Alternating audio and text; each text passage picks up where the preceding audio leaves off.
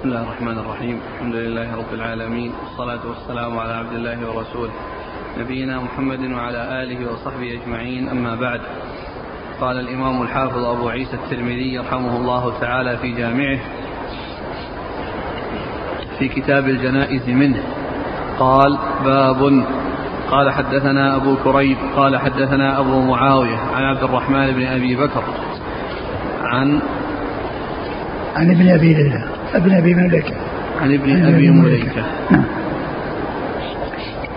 عن ابن أبي مليكة عن عائشة رضي الله عنها أنها قالت لما قبض رسول الله صلى الله عليه وآله وسلم اختلفوا في دفنه. فقال أبو بكر رضي الله عنه سمعت من رسول الله صلى الله عليه وآله وسلم شيئا ما نسيته. قال ما قبض الله نبيا إلا في الموضع الذي يحب أن يدفن فيه. ادفنوه في موضع فراشه. قال أبو عيسى هذا حديث غريب. وعبد الرحمن بن أبي بكر المليكي يضعف يضعف من قبل حفظه. وقد روي هذا الحديث من غير هذا الوجه. فرواه ابن عباس رضي الله عنهما عن أبي بكر الصديق رضي الله عنه عن النبي صلى الله عليه وسلم أيضا. بسم الله الرحمن الرحيم. الحمد لله رب العالمين وصلى الله وسلم وبارك على عبده ورسوله نبينا محمد وعلى آله وأصحابه أجمعين أما بعد. فهذا الحديث الذي أما بعد فيقول الإمام أبو عيسى الترمذي رحمه الله في جامع باب وهو بدون ترجمة وهو يتعلق بدفن الرسول صلى الله عليه وسلم في حجرته. وأورد في حديث أبي بكر رضي الله عنه. أن الناس أن الصحابة لما توفي رسول الله عليه الصلاة والسلام اختلفوا يعني في المكان الذي يدفنون فيه النبي عليه الصلاة والسلام فروى أبو بكر لهم هذا الحديث الذي أخبر أنه سمعه وأنه لم ينسه وأن وأن الله تعالى يقبض نبيه في في المكان يقبض آه، نبيه في المكان الذي يحب أن يدفن فيه وقال ادفنوه في مكان فراشه فدفنوه في حجرته وفي مكان فراشه و و و ودفنه كان في البنيان. وقد جاءت الأحاديث النهي عن البناء على القبور ولكن هذا من خصائصه صلى الله عليه وسلم. فلا يجوز أن يدفن الموتى في البيوت ولا أن يبنى على القبور. وهذا الذي حصل لرسول الله صلى الله عليه وسلم من خصائصه لأن الأنبياء يدفنون حيث يموتون. في المكان الذي يدفن فيه النبي الذي يموت فيه النبي يدفن فيه النبي. الأنبياء هذا شأنهم كما جاء في هذا الحديث. والحديث في إسناده آه، يعني رجل متكلم فيه وهو عبد الرحمن المليكي وهو لين الحديث ولكن الحديث له طرق وله آه، يعني شواهد يعني تدل على أو تؤيده. وقد ذكرها الشيخ ناصر رحمه الله في كتاب أحكام الجنائز. فالحديث آه، ثابت عن رسول الله صلى الله عليه وسلم وهذا هو شأن الأنبياء. ولا يقال إن هذا فيه دليل على جواز الدفن في البيوت لأن المنع جاء من ذلك حيث جاء عن النبي صلى الله عليه وسلم قال لا تتخذوا بيوتكم قبورا. فلا تتخذوا قبور بحيث يدفن فيها الأموات. ولا أيضا تعامل معاملة القبور بحيث لا يقرأ لا يصلى فيها بل يصلى فيها. وهذا بخلاف المقابر فإنها ليست أماكن للصلاة. فالحديث يدل على أن أن أن البيوت لا تتخذ مقابر ولكن هذا الذي حصل لرسول الله صلى الله عليه وسلم من خصائصه فلا يتعداه إلى غيره. صلوات الله وسلامه وبركاته عليه. وهو صلى الله عليه وسلم إنما دفن خارج المسجد. في مكان آه، في مكان في مسكنه وفي آه، حجرة أم المؤمنين عائشة رضي الله تعالى عنها وأرضاها التي مات فيها فإنه دفن في خارج المسجد ولم يدفن في المسجد. والمسجد آه، ليس فيه قبر. مسجد الرسول صلى الله عليه وسلم ليس فيه قبر وإنما أدخل القبر بعد مدة طويلة في عهد بني أمية. ولهذا فلا يجوز أن يحتج أو يستدل بوجود القبر في مسجده صلى الله عليه وسلم أن الناس يبنون المساجد على القبور أو يدفنون الموتى في المساجد لأن الرسول صلى الله عليه وسلم هو الذي بنى المسجد وهو الذي بنى حجراته في جوار المسجد وقد دفن في آه، منزله وكان مكانا خارج المسجد تحيض نساؤه فيه ويجامع أهله فيه وهو فله أحكام غير أحكام المسجد ولكنه أدخل فيما بعد فلا يجوز أن يتخذ هذا الإدخال حجة على مخالفة النصوص الصريحة المتواترة في منع البناء على القبور والتي حذر الرسول صلى الله عليه وسلم منها في آخر حياته عندما كانت روحه تنزع وقبل موته صلى الله عليه وسلم في خمس ليال فإنه حذر من ذلك وحذر من اتخاذ القبور مساجد. وهذا من كمال نصحه وشفقته على أمته صلوات الله وسلامه وبركاته عليه. وعلى هذا فإن الدفن لرسول الله صلى الله عليه وسلم آه، انتهى إليه الصحابة بالحديث الذي رواه بعضهم رواه أبو بكر عن النبي صلى الله عليه وسلم وأخذوا بما جاء عن النبي عليه الصلاة والسلام في حق الأنبياء عليهم الصلاة والسلام أنهم يدفنون حيث يموتون. نعم. قال حدثنا أبو كريب. أبو كريب محمد بن العلاء بن كريب. ثقة أخرجه أصحاب في الستة. عن أبي معاوية. أبو معاوية محمد بن خازم الضرير الكوفي. ثقة أخرجه أصحاب في الستة. عن عبد الرحمن بن أبي بكر. عبد الرحمن بن أبي بكر آه، ابن أبي مليكة وهو وهو لين الحديث أخرج له. ضعيف. وهو ضعيف أخرج له. الترمذي وابن ماجه. الترمذي وابن ماجه. عن ابن أبي عن ابن أبي مليكة هو عبد الله بن عبيد الله ابن أبي مليكة وهو ثقة أخرجه أصحاب في الستة. عن عائشة. عن عائشة أم المؤمنين رضي الله عنها وأرضاها الصديقة بنت الصديق وهي ممن أكثر الرواية عن رسول الله صلى الله عليه وسلم. عن أبي بكر. عن أبي بكر رضي الله عنه عبد الله بن عثمان اسمه عبد الله بن عثمان وهو مشهور بكنيته أبو بكر واسمه عثمان عبد الله واسم أبيه عثمان وكل من منه ومن والده اشتهروا بالكنية وهو أبو بكر بن أبي قحافة. أبو بكر بن أبي قحافة وأبو بكر ليس له ولد اسمه بكر وإنما كني بهذه الكنية وليس له ولد يسمى بهذا الاسم رضي الله تعالى عنه وأرضاه وحديثه عند أصحاب كتب الستة. قال أبو عيسى هذا حديث غريب. وعبد الرحمن بن أبي بكر المليكي يضعف من قبل حفظه وقد روي هذا الحديث من غير هذا الوجه. فرواه ابن عباس عن أبي بكر الصديق عن النبي صلى الله عليه وسلم. ابن عباس عبد الله بن عباس بن عبد المطلب ابن عم النبي عليه الصلاة والسلام وأحد العبادلة من أصحابه الكرام وأحد السبعة المكثرين من رواية الحديث عن رسول الله صلى الله عليه وسلم. أحسن الله إليك. جاء في بعض النسخ عنوان لهذا الباب. نعم في بعض النسخ آه، جاء فيها عنوان لكن النسخة التي معنا ليس فيها. يعني دفن النبي؟ باب ما جاء في دفن النبي صلى الله عليه وسلم حيث قبض. نعم.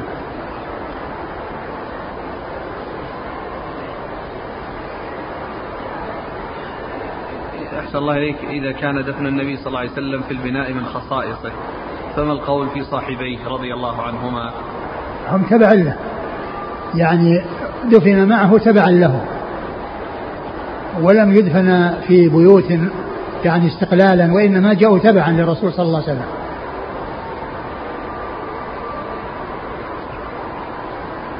هل في هذا ما يدل على أن السنة ربما تخفى على كثير من أصحاب النبي صلى الله عليه وسلم فالحديث لم يعرفه إلا أبو بكر؟ نعم لا شك.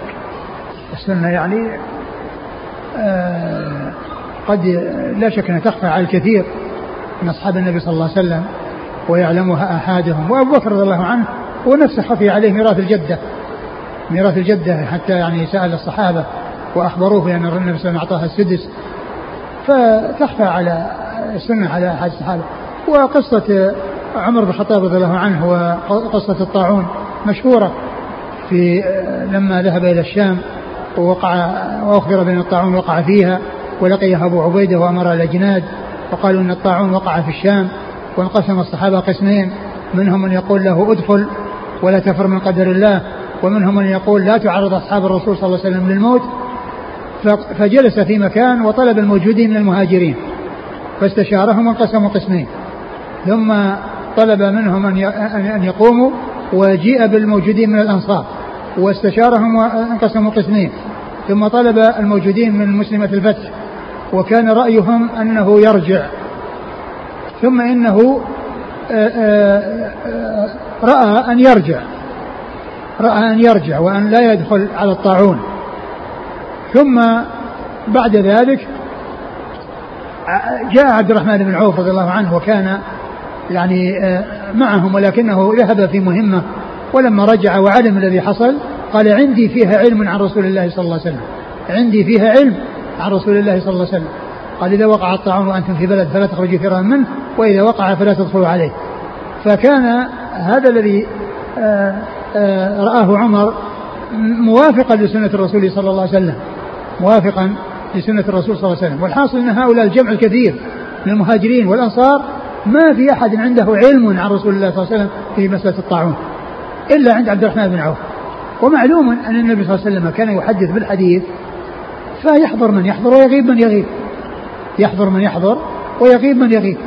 وقد يعني يحصل أن واحدا من الصحابة حضر في آه، ذلك اللقاء أو في ذلك المكان الذي غاب عنه كثير من الصحابة وحفظ هذه السنة. فالسنة قد يعلمها يعني أحد الصحابة أو بعض الصحابة الذين آه، تلقوها عنه وسلم ويجهلها الكثيرون. نعم. إذا قول صلى الله عليه وسلم ما بين بيتي وقبري روضة من رياض الجنة الرسول ما قال بين ما بين بيتي وقبري قال ما بين منبري ما بين بيتي ومنبري. ما بين بيتي ومنبري روضة من رياض الجنة. ما قال القبر. لو قال يعني ما بين قبري يعني لكان الناس يعرفون قبره يعرفون مكان قبره. ولكن ليس لم يثبت عن النبي صلى الله عليه وسلم أنه قال ما بين قبري ومنبري.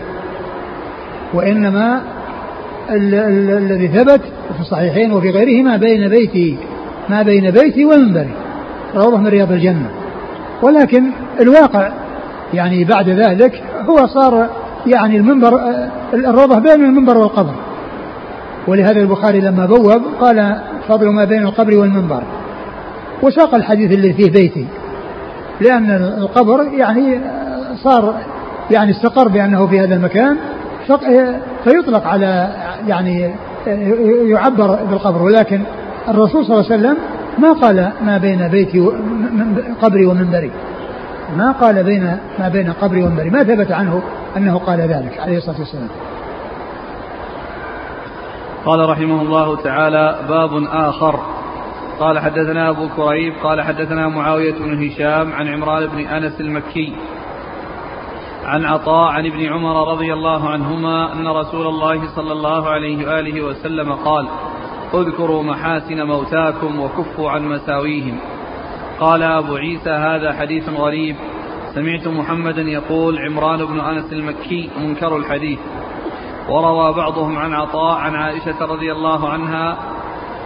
قال وعمران بن أنس وعمران بن أبي أنس مصري. أقدم وأثبت من عمران بن أنس المكي. ثم أورد أبو عيسى ترجمة أخرى وأورد فيها حديث اذكروا محاسن موتاكم وكفوا عن مساوئهم. اذكروا محاسن موتاكم وكفوا عن مساوئهم. والحديث في إسناده ضعف وهو ضعيف لكنه جاء في صحيح البخاري حديث بلفظ لا تسبوا الأموات فإنهم قد أفضوا إلى ما قدموا. لا تسبوا الأموات فإنهم قد أفضوا إلى ما قدموا. ومن المعلوم أن يعني الكلام في الأموات بغير يعني أمر يقتضيه مثل مسألة الرواية ومعرفة أحوال الرواة فإن هذا أشد من الكلام في الأحياء. وذلك أن الأحياء إذا إذا حصل الكلام فيهم يمكن استباحتهم ويمكن التخلص من ال من ال الذي حصل بطلب المسامحة. وأما الأموات فإنه لا مجال لطلب المسامحة ومسامحة حصل المسامحة. فالكلام في الأموات يعني بغير حق وبغير أمر يقتضيه لا شك أنه أخطر من الكلام في الأحياء أخطر من الكلام في الأحياء. و وأخطر ما يكون في ذلك الكلام في أصحاب الرسول صلى الله عليه وسلم والنيل منهم فإن هذا أعظم ما يكون وأشد ما يكون وأخطر ما يكون. يعني بأن يتكلم الصحابة بغير بما, بما لا يليق أو يذكرون بما بشيء غير لائق بهم يعني هذا يدل على خذلان من حصل منه ذلك. و والنبي صلى الله عليه وسلم قال المسلم من سلم المسلمون من لسانه ويده. المسلم من سلم المسلمون من لسانه ويده. ولهذا خطر اللسان عظيم لأنه يعم الابتلاء فيه بالماضين والحاضرين وغيرهم. يعني فالأمر لا يتعلق بالموجودين فقط وإنما يتعلق بكل من مضى وكذلك من يأتي يعني الكلام فيهم والسب لكل أحد فإن يعني هذا يدخل في خطر اللسان الذي قال فيه النبي صلى الله عليه وسلم المسلم من سلم المسلمون من لسانه ويده المسلم من سلم المسلمون من لسانه ويده. نعم. قال حدثنا أبو كريب. لكن عن... الحديث ورد لا تسبوا الأموات فإنهم قد أفضوا إلى ما قدموا وهذا في صحيح البخاري. نعم. حدثنا أبو كريب. عن معاوية بن هشام. معاوية بن هشام هو صدوق له أوهام أخرجه البخاري في المفرد ومسلم وأصحاب السنن. صدوق له أوهام أخرجه البخاري في المفرد ومسلم وأصحاب السنن.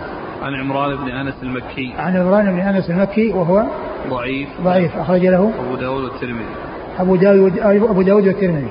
عن عطاء عن عطاء بن أبي رباح ثقة أخرج أصحابه في الستة. عن ابن عمر. عن ابن عمر عبد الله بن عمر الخطاب رضي الله عنهما أحد العبادله وأحد السبعة المكثرين من حديث رسول الله صلى الله عليه وسلم.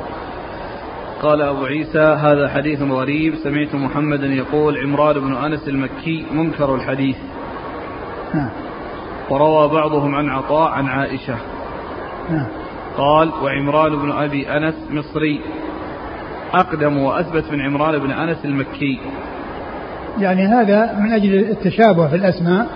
يعني الترمذي رحمه الله لما لما ذكر عمران بن أنس هذا المكي وكان هناك عمران بن أبي أنس مصري بالمناسبة ذكر الشخص الذي يعني يقاربه يعني في الاسم ويعني وقال إن هذا أقدم وأثبت اللي هو المصري أقدم من المكي. وأثبت من المكي.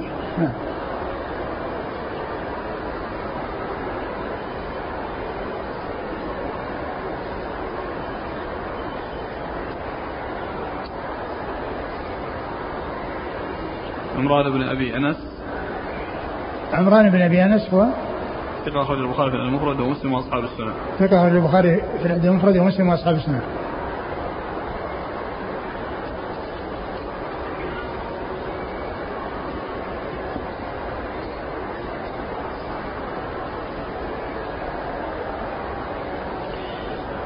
قال رحمه الله تعالى باب ما جاء في الجلوس قبل أن توضع.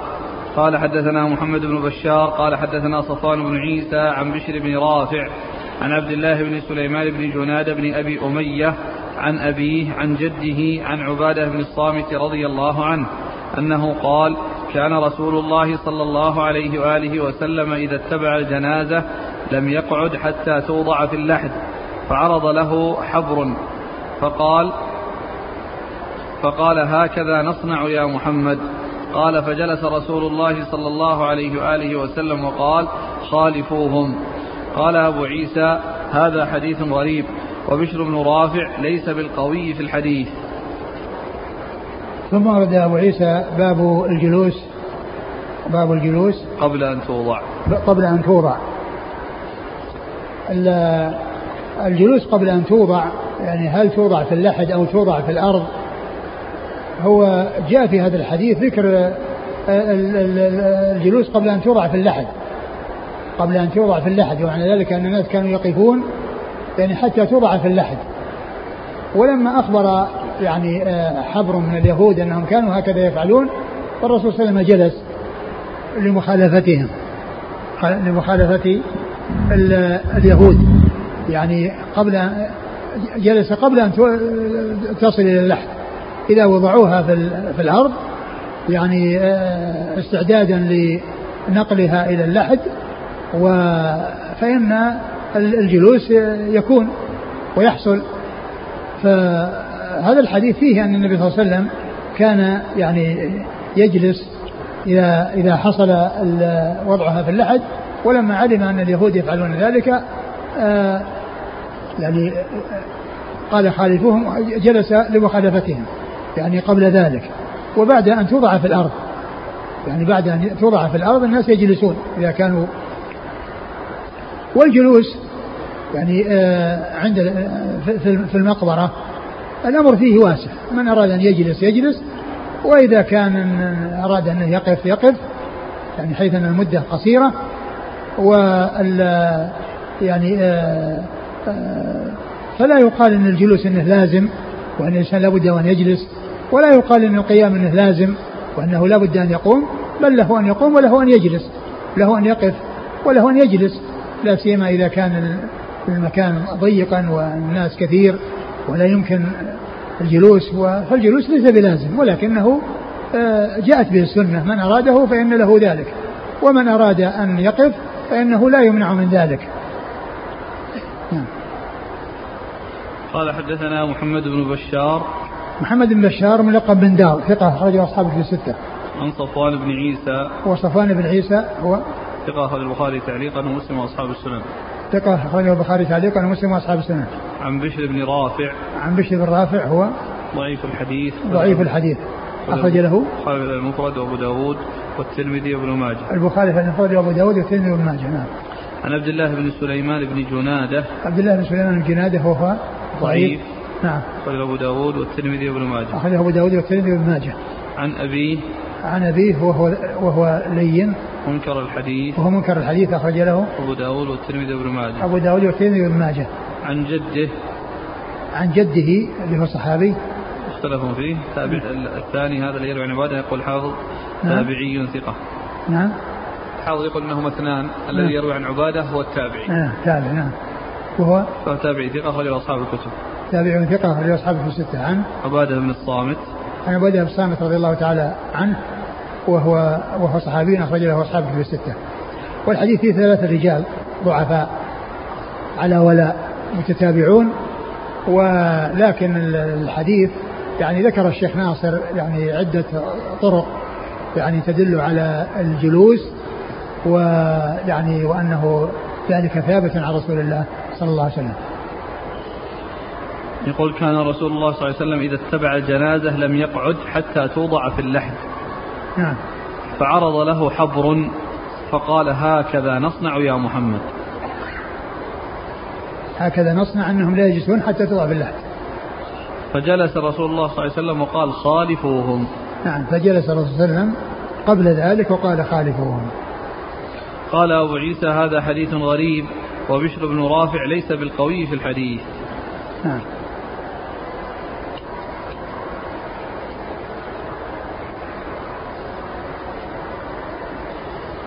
قال رحمه الله تعالى باب فضل المصيبة إذا احتسب. قال حدثنا سويد بن نصر قال حدثنا عبد الله بن المبارك عن حماد بن سلمة عن أبي سنان قال دفنت ابني سنانا.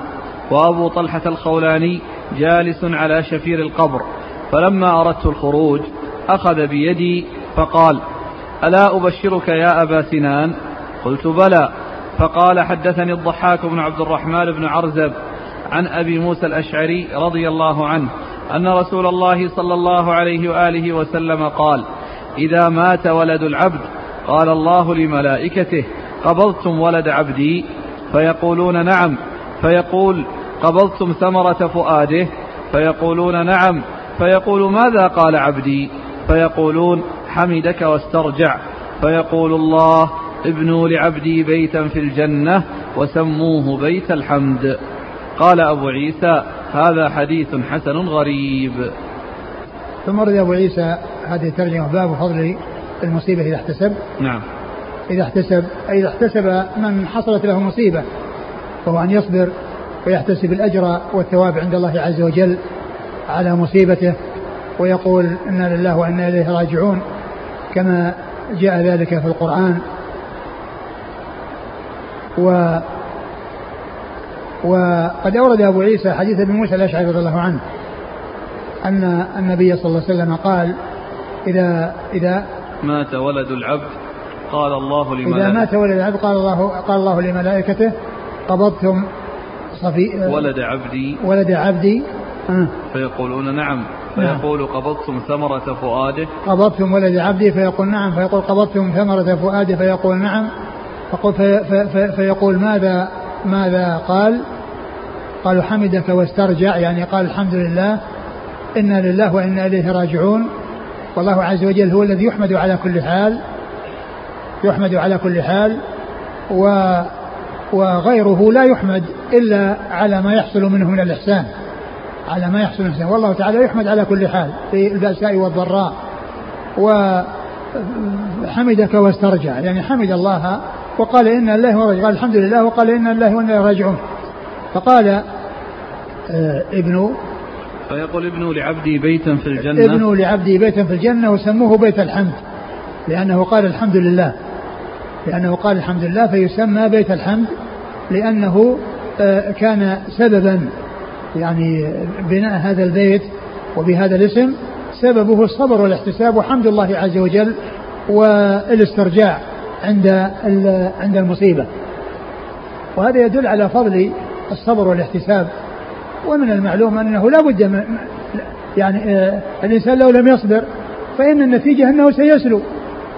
سيسلو ولا بد ولكن الصبر عند الصدمة الأولى وعدم التسخط وعدم النياحة وعدم البكاء الذي معه صوت مما ينافي الصبر آه، كون الإنسان يأتي بما هو مشروع وبما يعود عليه بالخير والمصلحة والفائدة والثواب من الله سبحانه وتعالى لا شك أن هذا هو الذي عليه وهو إن لم يصبر لا بد وأن يعني يذهب ما في نفسه. وإن حصل منه أمور منكرة تعرض للعقوبة.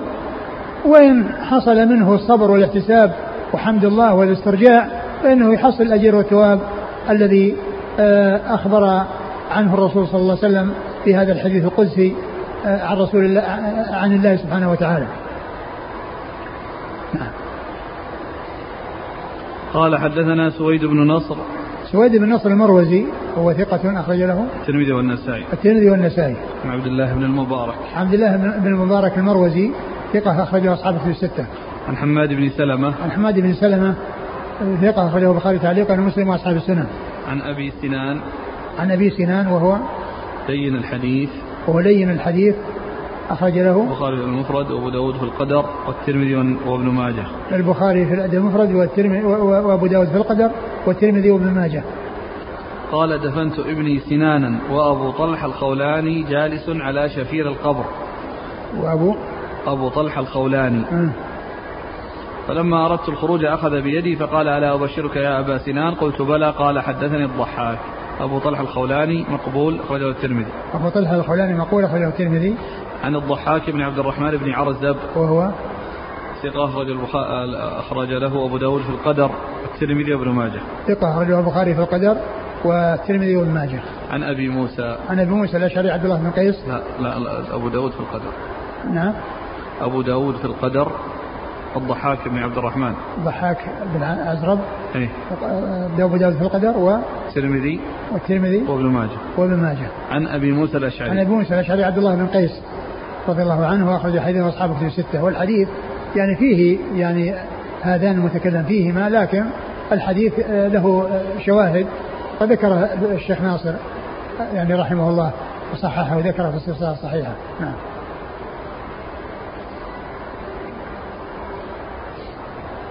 قال رحمه الله تعالى باب ما جاء في التكبير على الجنازة. قال حدثنا أحمد بن منيع قال حدثنا إسماعيل بن إبراهيم قال حدثنا معمر عن الزهري عن سعيد بن المسيب عن أبي هريرة أن النبي عن أبي هريرة رضي الله عنه أن النبي صلى الله عليه وعلى آله وسلم صلى على النجاشي فكبر أربعا. قال وفي الباب عن ابن عباس وابن أبي أوفى وجابر ويزيد بن ثابت وأنس رضي الله عنهم. قال أبو عيسى ويزيد بن ثابت هو أخو زيد بن ثابت وهو أكبر منه شهد بدرا وزيد لم يشهد بدرا.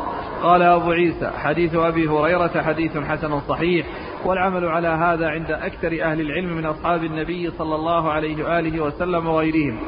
يرون التكبير على الجنازة أربع تكبيرات وهو قول سفيان الثوري ومالك بن أنس وابن المبارك والشافعي وأحمد وإسحاق.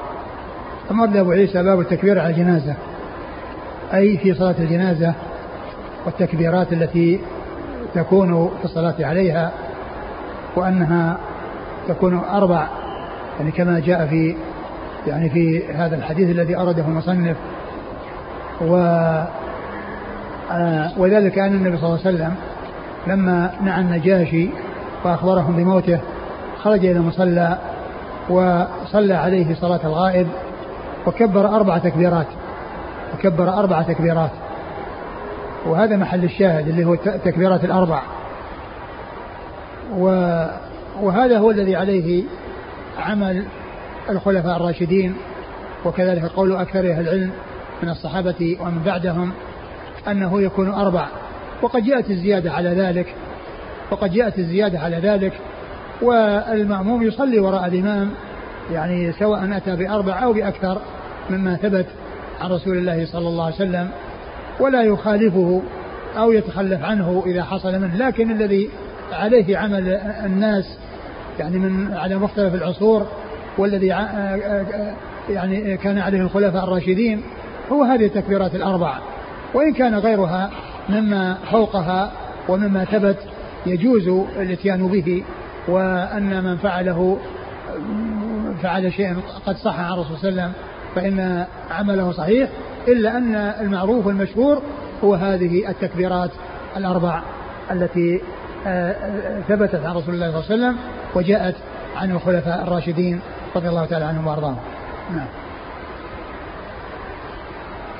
قال حدثنا أحمد بن منيع أحمد بن منيع ثقة أخرجه أصحاب في الستة. عن إسماعيل بن إبراهيم إسماعيل بن إبراهيم بن عليا ثقة أخرجه أصحاب في الستة. عن معمر معمر بن راشد الأزدي البصري وهو ثقة أخرجه أصحاب في الستة. عن الزهري عن الزهري محمد بن مسلم بن عبيد الله ثقة أخرجه أصحاب في الستة. عن سعيد بن المسيب سعيد بن المسيب وهو ثقة فقيه أحد فقهاء المدينة السبعة في عصر التابعين أخرج حديث أصحابه في الستة. عن أبي هريرة. عن أبي هريرة عبد الرحمن بن صخر الدوسي رضي الله عنه أكثر الصحابة حديثا. قال وفي الباب عن ابن عباس وابن أبي أوفى ابن أبي أوفى ابن أبي أوفى عبد الله أخرج حديثه أصحاب كتب الستة وجابر جابر بن عبد الله الأنصاري رضي الله تعالى عنهما أحد المكثرين من حديث رسول الله صلى الله عليه وسلم. ويزيد بن ثابت. ويزيد بن ثابت أخو زيد بن ثابت وهو صحابي أخرج له البخاري تعليقا والنسائي بن ماجه. البخاري تعليقا والنسائي بن ماجه. وأنس. وأنس بن مالك خادم النبي عليه الصلاة والسلام وأحد السبع المكثرين من حديثه. قال أبو عيسى نعم. قال أبو عيسى يزيد بن ثابت أخو زيد بن ثابت وهو أكبر منه شهد بدرا وزيد لم يشهد بدرا. نعم. قال أبو عيسى حديث أبي هريرة حديث حسن صحيح والعمل على هذا عند أكثر أهل العلم من أصحاب النبي صلى الله عليه وآله وسلم وغيرهم يرون التكبير على الجنازة أربع تكبيرات وهو قول سفيان الثوري سفيان الثوري ثقة أخرج أصحاب أصحاب كتب الستة. ومالك بن أنس. مالك بن أنس إمام دار الهجرة المحدث الفقيه أحد أصحاب المذاهب الأربعة المشهورة من مذاهب السنة وحديث أخرج أصحاب كتب الستة. وابن المبارك والشافعي. وابن المبارك عبد الله المبارك ثقة أخرجه أصحاب كتب الستة والشافعي محمد بن إدريس الشافعي آه، آه، أحد الأئمة الأربعة من أهل السنة وحديثه أخرجه البخاري تعليقا وأصحاب السنن. وأحمد وإسحاق. وأحمد بن حنبل كذلك أحد الأئمة الأربعة من أهل السنة وحديثه أخرجه أصحابه في الستة وإسحاق بن راهوية الحنظلي المروزي ثقة أخرجه أصحابه في الستة إلا الترمذي إلا ابن ماجه. قال حدثنا محمد بن المثنى قال حدثنا محمد بن جعفر قال أخبرنا شعبة عن عمرو بن مرة عن عبد الرحمن بن أبي ليلى قال كان زيد بن أرقم رضي الله عنه يكبر على جنائزنا أربعة وإنه كبر على جنازة خمسة فسألناه عن ذلك فقال كان رسول الله صلى الله عليه وآله وسلم يكبرها. ثم ورد حديث زيد بن زيد بن أرقم رضي الله عنه أنه كان يكبر أربعا وأنه كبر خمسا. ولما سئل يعني عن ذلك عن الشيء الذي كان على خلاف الذي اعتادوه الأربع قال إن الذي كان يكبرها يعني الخمس أنه كان يكبر خمسا. يعني فجاء التكبير أربعا وجاء التكبير خمسا يعني في هذا الحديث. نعم. قال حدثنا محمد بن المثنى. محمد المثنى الزمن أبو موسى ثقة أخرجه أصحابه في الستة. عن محمد بن جعفر. محمد بن جعفر ملقب غندر ثقة أخرجه أصحابه في الستة. عن شعبة. عن شعبة بن الحجاج الواسطي ثقة أخرجه أصحابه في الستة. عن عمرو بن مرة. عن عمرو بن مرة. عن عمرو بن مرة هو ثقة أخرجه أصحاب كتب الستة. عن عبد الرحمن بن أبي ليلى. عبد الرحمن بن أبي ليلى ثقة أيضا أخرجه أصحاب كتب الستة. عن زيد بن أرقم. عن زيد بن أرقم رضي الله عنه وحديثه أخرجه أصحاب كتب الستة. قال أبو عيسى حديث زيد بن أرقم حديث حسن صحيح وقد ذهب بعض أهل العلم إلى هذا من أصحاب النبي صلى الله عليه وآله وسلم وغيرهم رأوا التكبير على الجنازة خمسا وقال أحمد وإسحاق إذا كبر الإمام على الجنازة خمسا فإنه يتبع الإمام نعم إذا زاد هذه التكبيرات يسأل ماذا ماذا ماذا يقول بعدها؟ أقول إذا قال إيش؟ إذا زاد في نعم. تكبيرة خمسة ستة ما في إلا الدعاء أقول ما في إلا الدعاء يدعو الميت بينهم.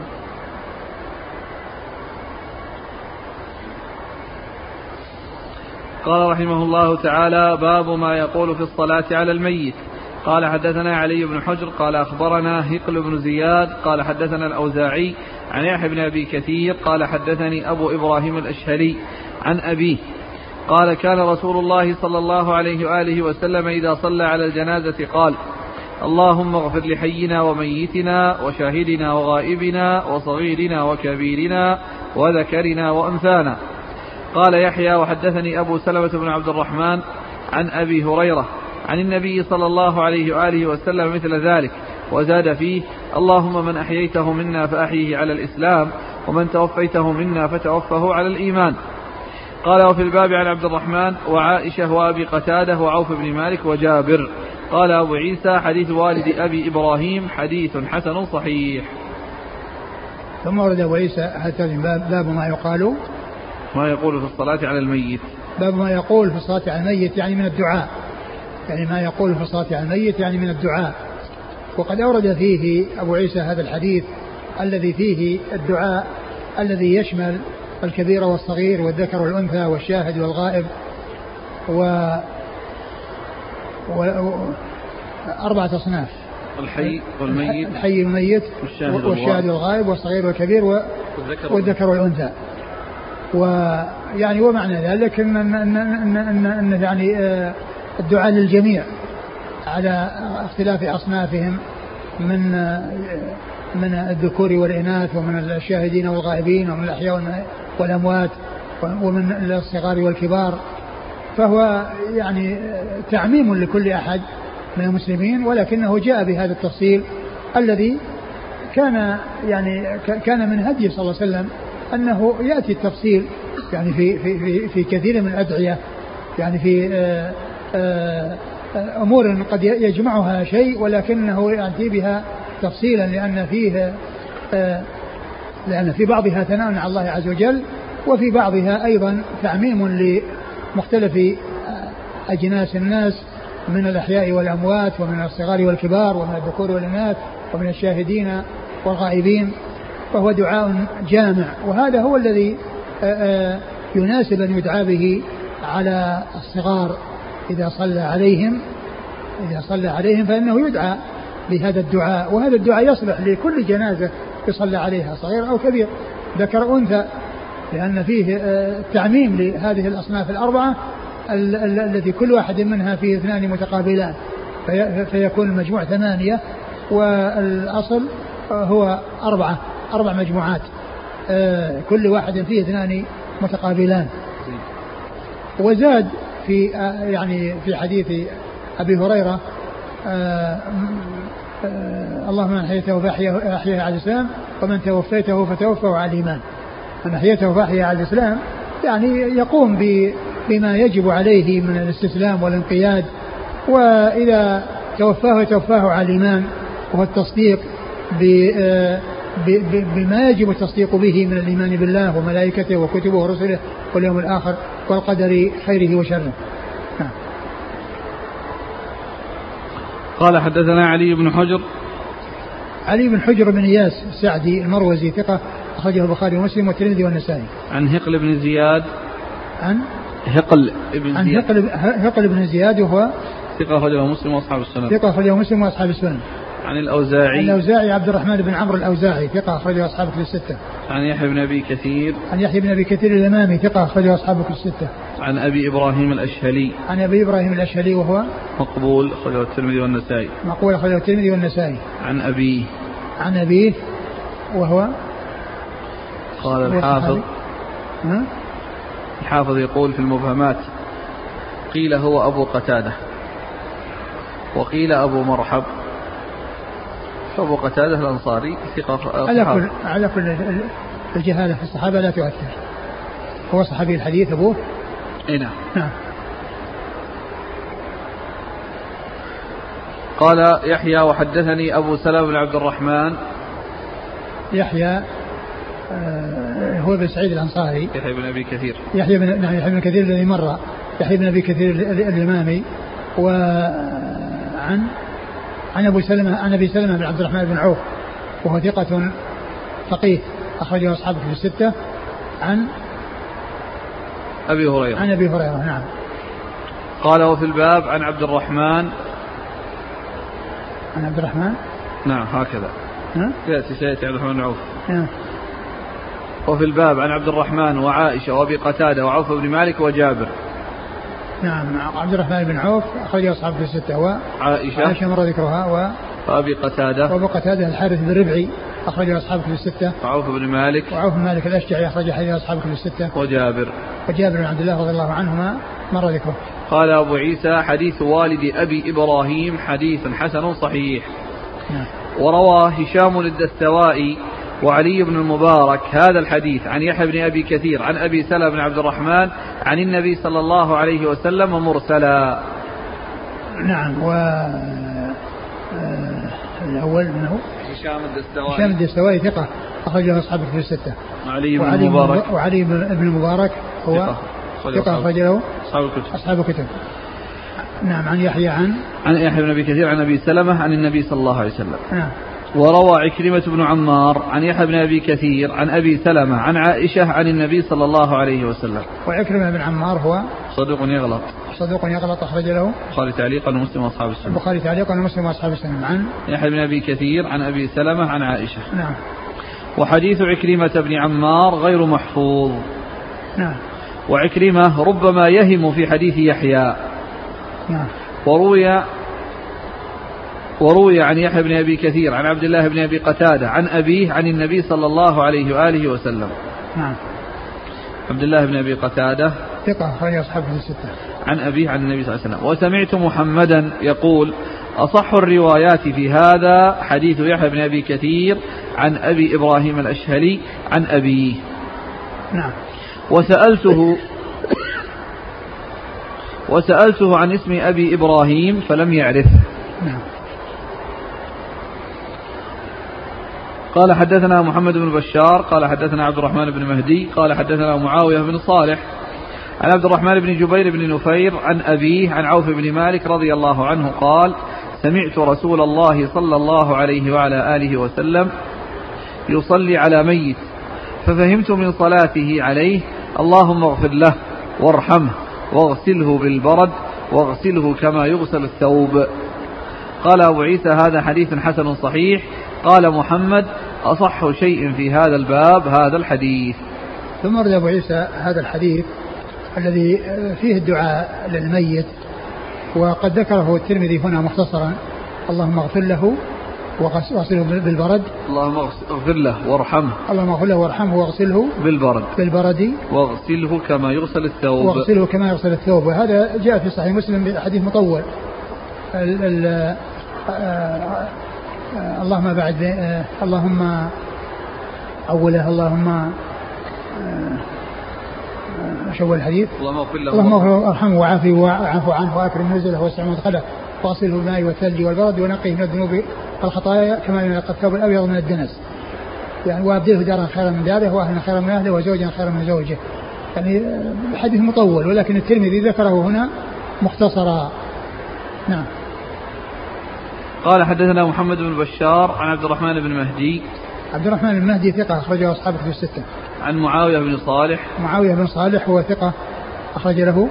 صدوق له أوهام أخرج له البخاري جزء القراءة ومسلم وأصحاب السنن. صدوق له أوهام أخرج حديث البخاري جزء القراءة ومسلم وأصحاب السنن. عن عبد الرحمن بن جبير بن نفير. عبد الرحمن بن جبير بن نفير هو ثقة أخرجه البخاري في الأدب المفرد ومسلم وأصحاب السنن. ثقة أخرجه البخاري في الأدب المفرد ومسلم وأصحاب السنن. عن أبي عن أبي جبير بن نفير وهو ثقة أخرجه البخاري في المفرد في المفرد ومسلم وأصحاب السنن. عن عوف بن مالك. عن عوف بن مالك رضي الله عنه أخرج حديث أصحاب الكتب الستة. قال أبو عيسى هذا حديث حسن صحيح وقال محمد أصح شيء في هذا الباب هذا الحديث. نعم. قال رحمه الله تعالى باب ما جاء في القراءة على الجنازة بفاتحة الكتاب قال حدثنا أحمد بن منيع قال حدثنا زيد بن حباب قال حدثنا إبراهيم بن عثمان عن الحكم عن مقسم عن ابن عباس رضي الله عنهما أن النبي صلى الله عليه وآله وسلم قرأ على الجنازة بفاتحة الكتاب. قال وفي الباب عن أم شريك. قال أبو عيسى حديث ابن عباس حديث ليس إسناده بذاك القوي. إبراهيم بن عثمان هو أبو شيبة الواسطي منكر الحديث. والصحيح عن ابن عباس رضي الله عنهما قوله من السنة القراءة على الجنازة بفاتحة الكتاب. ثم أورد أبو عيسى باب القراءة على الجنازة بفاتحة الكتاب. باب قراءة الجنازة بفاتحة الكتاب. آه صلاة الجنازة آه شرع فيها قراءة الفاتحة والصلاة على النبي صلى الله عليه وسلم والدعاء للميت.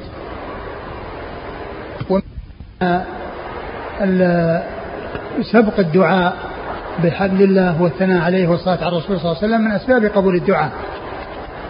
كما جاء في الحديث في قصة الرجل الذي سمعه النبي صلى الله عليه وسلم يدعو وقال لم يحمد الله ولم يصلي على رسوله فقال عجل هذا عجل هذا. ولما كان الميت في هذه الحال التي يودع ويدعى له ويشفع له في الصلاة عليه ويسأل الله عز وجل له أن آه، يغفر له ويتجاوز عنه. لما كان في في هذه الحالة العظيمة التي هو أحوج ما يكون إلى دعاء الناس وإلى آه، استغفارهم له وصلاتهم عليه آه، شرع أن يؤتى قبل ذلك بالشيء الذي يكون من أسباب قبول الدعاء وهو حمد الله والصلاة على رسوله صلى الله عليه وسلم. أورد أبو عيسى هذا الحديث آه الذي فيه آه عن ابن عباس نعم عن النبي صلى الله عليه وسلم. أن النبي قرأ بفاتحة الكتاب أن النبي صلى الله عليه وسلم قرأ بفاتحة الكتاب. وذكر الترمذي أنه أن, أن, أن هذا الحديث يعني إسناده ليس بذاك القائم لأن فيه آه عثمان بن آه آه إبراهيم بن عثمان. إبراهيم بن عثمان الذي هو جد أبي بكر بن أبي شيبة جد أبي بكر بن أبي شيبة الذي هو أبو, أبو شيبة. لأن أبو بكر عبد الله بن محمد بن عبد الله بن محمد بن عثمان. وعثمان هو أبو شيبة. فجده ضعيف. جده الذي هو أبو شيبة ضعيف وهو في إسناد هذا الحديث. وهو في إسناد هذا الحديث. لكن قراءة الفاتحة ثابتة.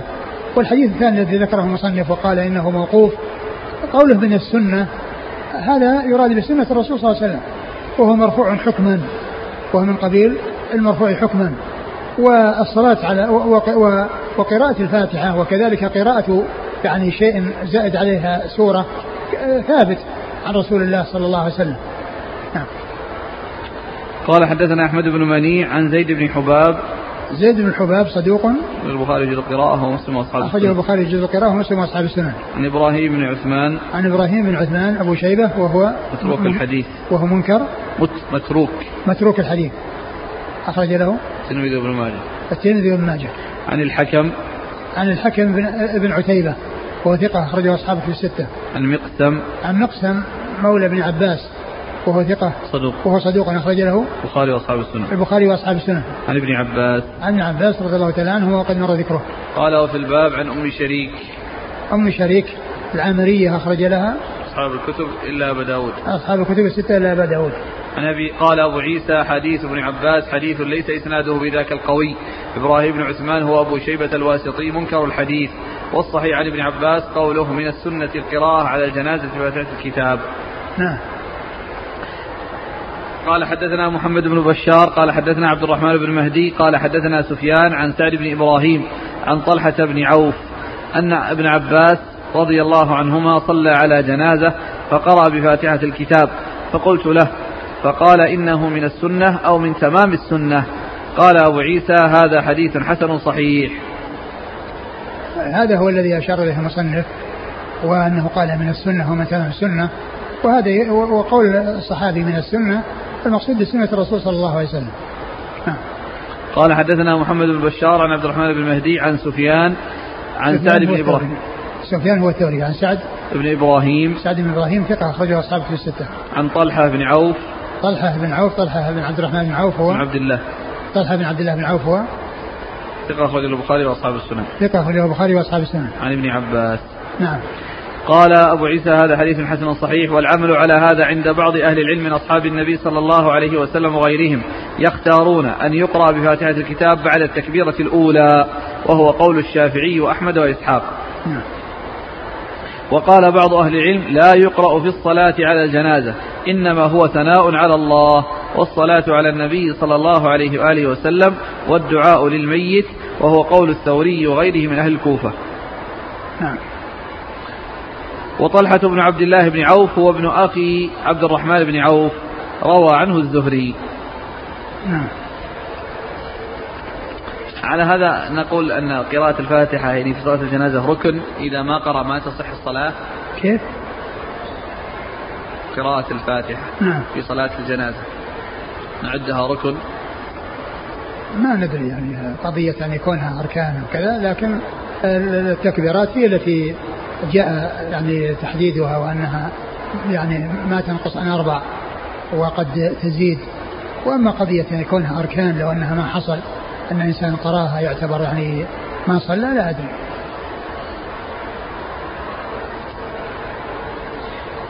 قال رحمه الله تعالى باب ما جاء في الصلاة على الجنازة والشفاعة للميت. إلا إلا إذا أخذ بعموم لا صلاة لمن لم يقرأ فاتحة الكتاب وهذه يقال لها صلاة فيمكن أن يقال ذلك. نعم.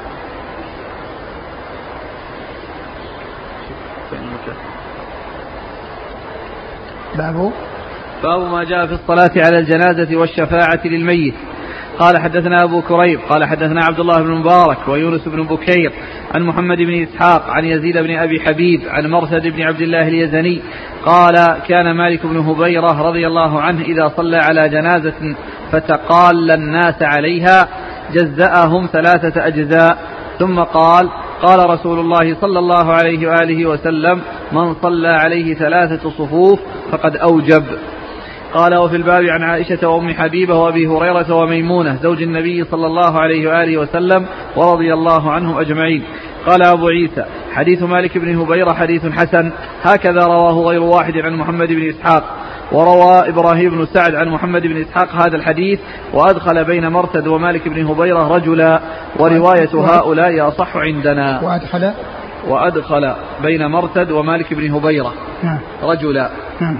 ورواية هؤلاء أصح عندنا. ثم أورد أبو عيسى باب الصلاة على الجنازة والشفاعة للميت. والشفاعة للميت. الشفاعة للميت في الصلاة.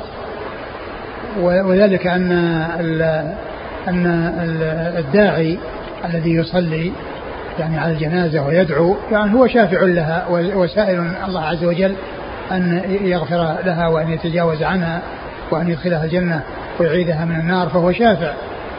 وقد أورد أبو عيسى حديث مالك بن هبيرة رضي الله عنه أنه إذا صلى على جنازة فتقال الناس يعني وجد أن الناس قليلين ما يجون لها صفوف ب يعني ب من, من ناحية الكثرة يعني يكون ثلاث صفوف.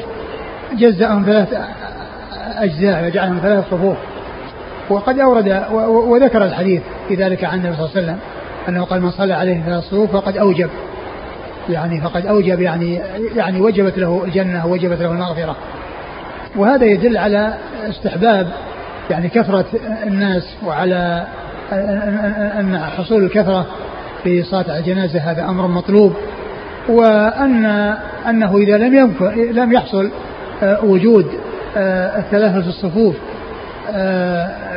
بحيث تكون كاملة ومستوعبة لهذا العدد فإن العدد القليل يجزى إلى أن يكون ثلاث صفوف كما فعل يعني مالك بن هبير رضي الله عنه وقال وسلم قال من صلى عليه ثلاث صفوف. يعني ولو كانوا قليلين ولو كانوا قليلا وأقل ما يكون الصف اثنين اثنان أقل ما يكون الصف اثنان. نعم. قال حدثنا أبو كريب عن عن عبد الله بن المبارك ويونس بن بكير. نعم يونس بن بكير هو صدوق يخطئ. صدوق أخرج له البخاري تعليقا ومسلم وأبو داود والترمذي وابن ماجه البخاري تعليقا ومسلم وأبو داود والترمذي والنسائي ولا الترمذي وابن ماجه عن محمد بن إسحاق عن محمد بن إسحاق المدني صدوق أخرج حديثه البخاري تعليقا ومسلم وأصحاب السنة. عن يزيد بن أبي حبيب. يزيد بن أبي حبيب ثقة أخرجه أصحاب في الستة. عن مرثد بن عبد الله اليزني وهو ثقة أيضا أخرجه أصحابه في الستة. عن مالك بن هبيرة. عن مالك بن هبيرة رضي الله عنه أخرج حديثه. أخرج أبو داود والترمذي وابن ماجه. أخرجه أبو داود والترمذي وابن ماجه. قال وفي الباب عن عائشة. نعم. وأم حبيبة. أم حبيبة آه هند بنت أبي أمية آه رملة بنت أبي سفيان رضي الله عنها أم المؤمنين وحديثها أخرجه أصحابه في الستة. وأبي هريرة وميمونة. ميمونة بنت الحارث الهلالية أم المؤمنين أخرج حديث أصحاب في الستة.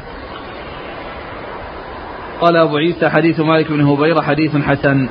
نعم. هكذا رواه غير واحد عن محمد بن إسحاق وروى إبراهيم بن سعد عن محمد بن إسحاق نعم إبراهيم بن سعد إبراهيم بن سعد ثقة أخرج أصحاب في الستة عن ابن إسحاق هذا الحديث وأدخل بين مرثد ومالك بن هبيرة رجلا نعم. ورواية هؤلاء أصح عندنا نعم. إسناد صح؟ لا يعني صححه من غير هالطريق ما أدري والله صح الحديث بس ما أتذكر. هو صحح الحديث هذا لكن يعني آه، طبعا فيه فيه ابن إسحاق الآن مدلس لكن يعني المدلس لا يعتمد على روايته إلا إذا صرح بالسماع أو وجد يعني ما يشهد له.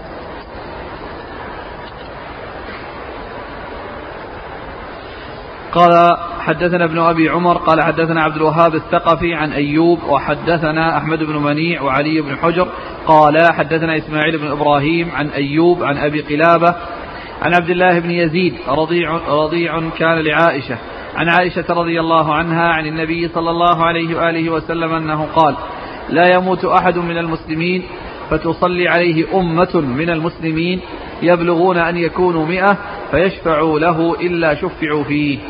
قال وقال علي بن حجر في حديثه مئة فما فوقها. قال أبو عيسى حديث عائشة حديث حسن صحيح وقد أوقفه بعضهم ولم يرفعه. ثم ورد أبو عيسى حديث عائشة رضي الله عنها أن النبي صلى الله عليه وسلم قال لا يعني يموت رجل فيصلي عليه أمة من المسلمين يبلغون مئة إلا شفعهم الله تعالى فيه.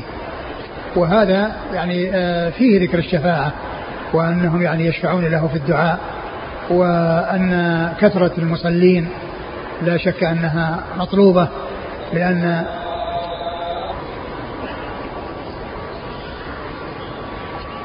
حديث عائشة رضي الله عنها هذا يدل على أن كثرة المصلين على الجنازة أمر مطلوب وذلك لأن كل واحد يدعو وكل واحد يشفع فهذا أمر مطلوب والنبي صلى الله عليه وسلم قال إنه ما مسلم يموت ويصلي عليه أمة من المسلمين يبلغون مئة إلا شفعهم الله تعالى فيه. فهذا يدل على يعني آه، فضل كثرة المصلين وعلى استحباب ذلك وأنه ينبغي يعني أن أن يحرص المسلمون على صلاة الجنازة ليشفعوا لإخوانهم المسلمين ويدعوا لهم ويستغفروا لهم. نعم. قال حدثنا ابن أبي عمر ابن أبي عمر العدني محمد بن يحيى وهو صدوق خرج حديث مسلم و والترمذي والنسائي بن ماجه. عن عبد الوهاب الثقفي. الوهاب الثقفي ثقة أخرجه أصحابه في الستة. عن أيوب. أيوب بن أبي تميم السختياني ثقة أخرجه أصحابه في الستة. قال وحدثنا أحمد بن منيع وعلي بن حجر عن إسماعيل بن إبراهيم عن أيوب عن أبي قلابة. آه، أبو قلابة هو عبد الله بن زيد الجرمي ثقة أخرجه أصحابه في الستة. عن عبد الله بن يزيد رضيع كان لعائشة. عبد الله بن يزيد رضيع كان لعائشة أخرج وهو وثقه العجلي أخرجه مسلم وأصحاب السنن. وثقه العجلي وأخرجه مسلم وأصحاب السنن. عن عائشة رضي الله عنها. عن عائشة رضي الله عنها نعم. وقال علي بن حجر في حديثه مئة فما فوقها نعم. قال أبو عيسى حديث عائشة حديث حسن صحيح وقد أوقفه بعضهم ولم يرفعه قال رحمه الله تعالى باب ما جاء في كراهية الصلاة على الجنازة عند طلوع الشمس وعند غروبها. قال حدثنا هناد قال حدثنا وكيع عن موسى بن علي بن رباح عن أبيه عن عقبة بن عن عقبة بن عامر الجهني رضي الله عنه قال ثلاث ساعات كان رسول الله صلى الله عليه وآله وسلم ينهانا أن نصلي فيهن. أو نقبر فيهن موتانا. حين تطلع الشمس بازغة حتى ترتفع وحين يقوم قائم الظهيرة حتى تميل وحين تضيف أو تضيف الشمس للغروب حتى تغرب. ثم ورد أبو عيسى هذه الترجمة باب النهي. في كراهية الصلاة على الجنازة عند طلوع الشمس وعند غروبها. باب كراهية الصلاة على الجنازة عند طلوع الشمس وعند غروبها وعند قيامها. وعند قيامها. ما في. نعم وعند قيامها. أورد في ذلك أورد أبو عيسى حديث عقبة بن عامر الجهني رضي الله عنه أن النبي صلى الله عليه وسلم نهى عن الصلاة عن قال ثلاث أوقات. نهانا صلى الله عليه وسلم أن نصلي فيها وأن ندفن فيها موتانا. عند ما تطلع الشمس بازغة وحين آه، وحين يقوم قائم الظهيرة وحين تتضيف للغروب حتى تغرب. وهذه أوقات قصيرة جدا آه، يعني آه، أوقات مضيقة ليست موسعة وقد جاء النهي والمنع من الصلاة فيها ومن دفن الأموات وهذا بخلاف الأوقات المطولة التي أوقات النهي التي بعد العصر وبعد الفجر فإن هذه يصلى فيها على الجنازة وتدفن الجنائز و وأما الأوقات الضيقة المنهي عنها وهي هذه الثلاثة فإنه لا يصلى فيها أي صلاة لا جنازة ولا غيرها ولا يدفن فيها أموات وهي يعني يسيرة جدا وقليلة جدا. آه، يمكن آه، يعني تدارك الصلاة فيها والدفن فيها بأن يكون التأخير يعني عن هذه الأوقات الضيقة حتى يعني يزول آه، وقت الكراهة. وقت المنع. و وقد وبعض أهل العلم فسر أن ال دفن الموتى المقصود به الصلاة ولكن هذا ليس بواضح لأن دفن الموتى غير غير غير الصلاة. وذكر الصلاة يشمل صلاة الجنازة ويشمل الصلاة الأخرى أن يصلي فيها أي صلاة سواء صلاة جنازة أو صلاة آه، أي صلاة أخرى يعني لا تصلى فيها. وأما دفن الأموات فهو دفنهم وليس المقصود به الصلاة. يعني فيكون آه، آه، المقصود يعني بذكر دفن الأموات المقصود بالصلاة.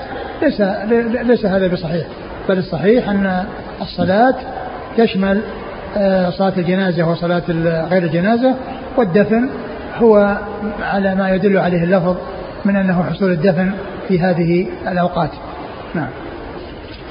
قال حدثنا هناد هناد بن السري أبو السري ثقة أخرجه البخاري في خلق أفعال العباد ومسلم وأصحاب السنن. عن وكيع عن وكيع بن الجراح الرؤاسي الكوفي ثقة أخرجه أصحاب كتب الستة. عن موسى بن علي بن رباح موسى بن علي بن رباح وهو صدوق ربما أخطأ صدوق ربما أخطأ أخرج له البخاري في المفرد ومسلم وأصحاب السنن. البخاري في المفرد ومسلم وأصحاب السنن. عن أبيه عن أبيه وهو ثقة أخرجه البخاري في المفرد ثقة أخرجه البخاري في المفرد ومسلم وأصحاب السنن. عن عقبة بن عامر عقبة بن عامر الجهني رضي الله عنه أخرج حديثه أصحاب كتب الستة.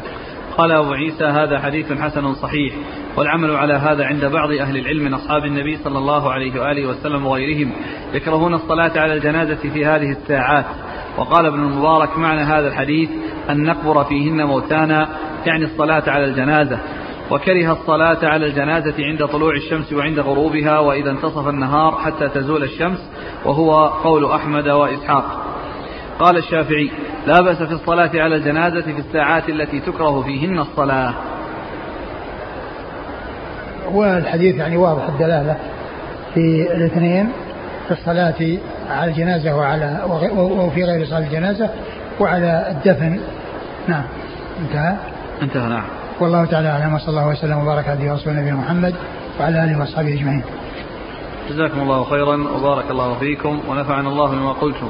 غفر الله لنا ولكم وللمسلمين أجمعين.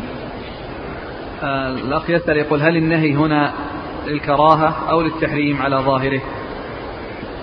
والله يبدو أنه للتحريم.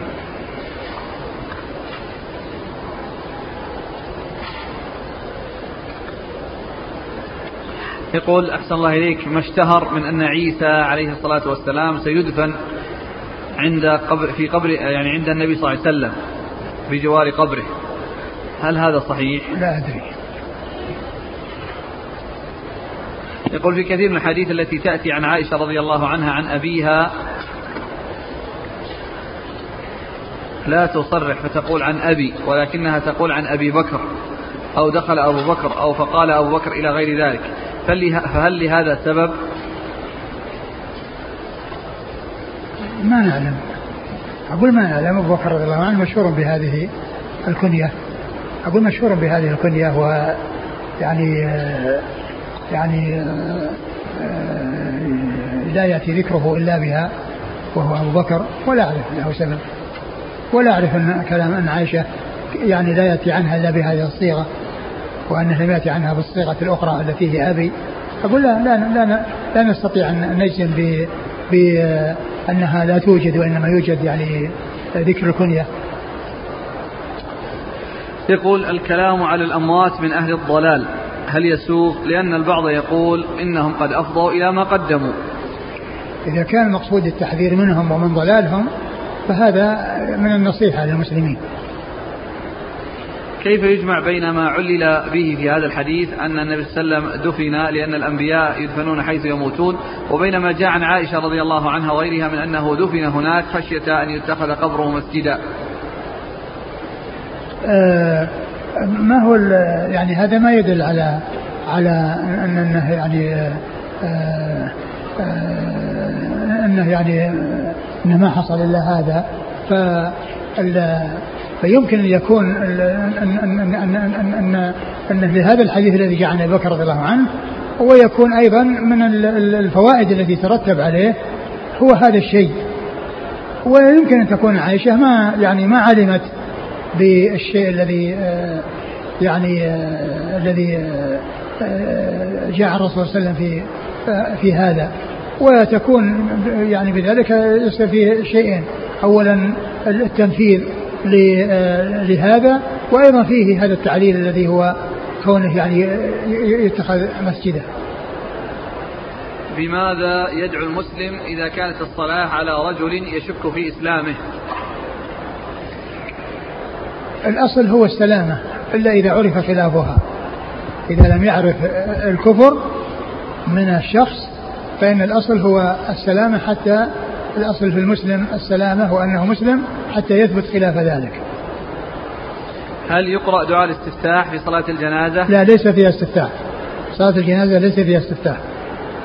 إذا أدركت الإمام في التكبيرة الثالثة من صلاة الجنازة ولم يكن هناك متسع لقراءة الفاتحة والصلاة على النبي صلى الله عليه وآله وسلم فكيف أصنع؟ لا بس إذا كان يمكن تجمع بين هذه بينها لأن تقديم الحمد والصلاة على الرسول صلى الله عليه وسلم بين الدعاء هذا من أسباب قبوله لكن إذا كان الاشتغال بالحمد والصلاة على النبي صلى الله عليه وسلم يفوت المقصود الأعظم من الصلاة على الميت وهي الدعاء له فإن الاشتغال بالشيء الذي شرعت الصلاة من أجله أولى من التشاغل بغيره بحيث يفوت.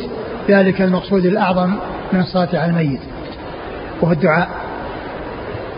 يوصي بعض الناس قبل موته بأن يصلى عليه في مكة والمدينة ودفنه هناك نظرا لكثرة المصلين. هل هذا مشروع؟ والله ما نعلم يعني دليل يدل عليه وإلا يعني معنى ذلك ان أن المسلمين يعني ينقلون من بلادهم إلى مكة والمدينة. يعني ينقلون إلى مكة والمدينة وهذا لا لا نعلم يعني شيئا يعني يعني يدل عليه وإنما كل يدفن حيث يموت. كل يدفن حيث يموت. ولو كان آآ آآ دخول الذهاب إلى الحرمين والدفن يعني فيهما يعني لو فتح المجال في ذلك لا صار الناس من السهل عليهم أن ينقلوا لا سيما أصحاب الأموال قد يأتون من أقاصي الدنيا من أجل أن يدفنوا في الحرمين ويصلى عليهم في الحرمين. ثم إن المهم في الأمر هو الأعمال الصالحة التي يقدمها الإنسان في حياته. هذا هو المهم في الأمر. وأما من كان في الحرمين أو كان يعني في أماكن فيها ناس مصلون فالحمد لله. وإلا فإنه يصلى عليه في المكان الذي فيه و رحمة الله عز وجل وفضله واسع.